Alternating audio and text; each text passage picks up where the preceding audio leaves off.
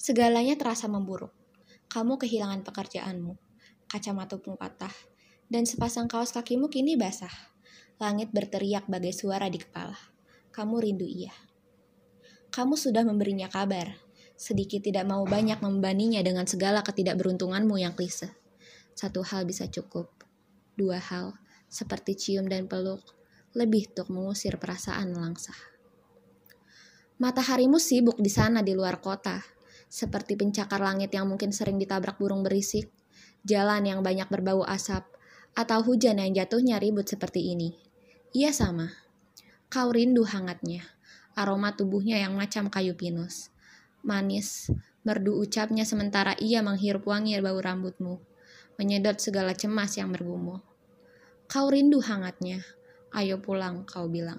Tapi tenang, ia tak akan melupakan rumah.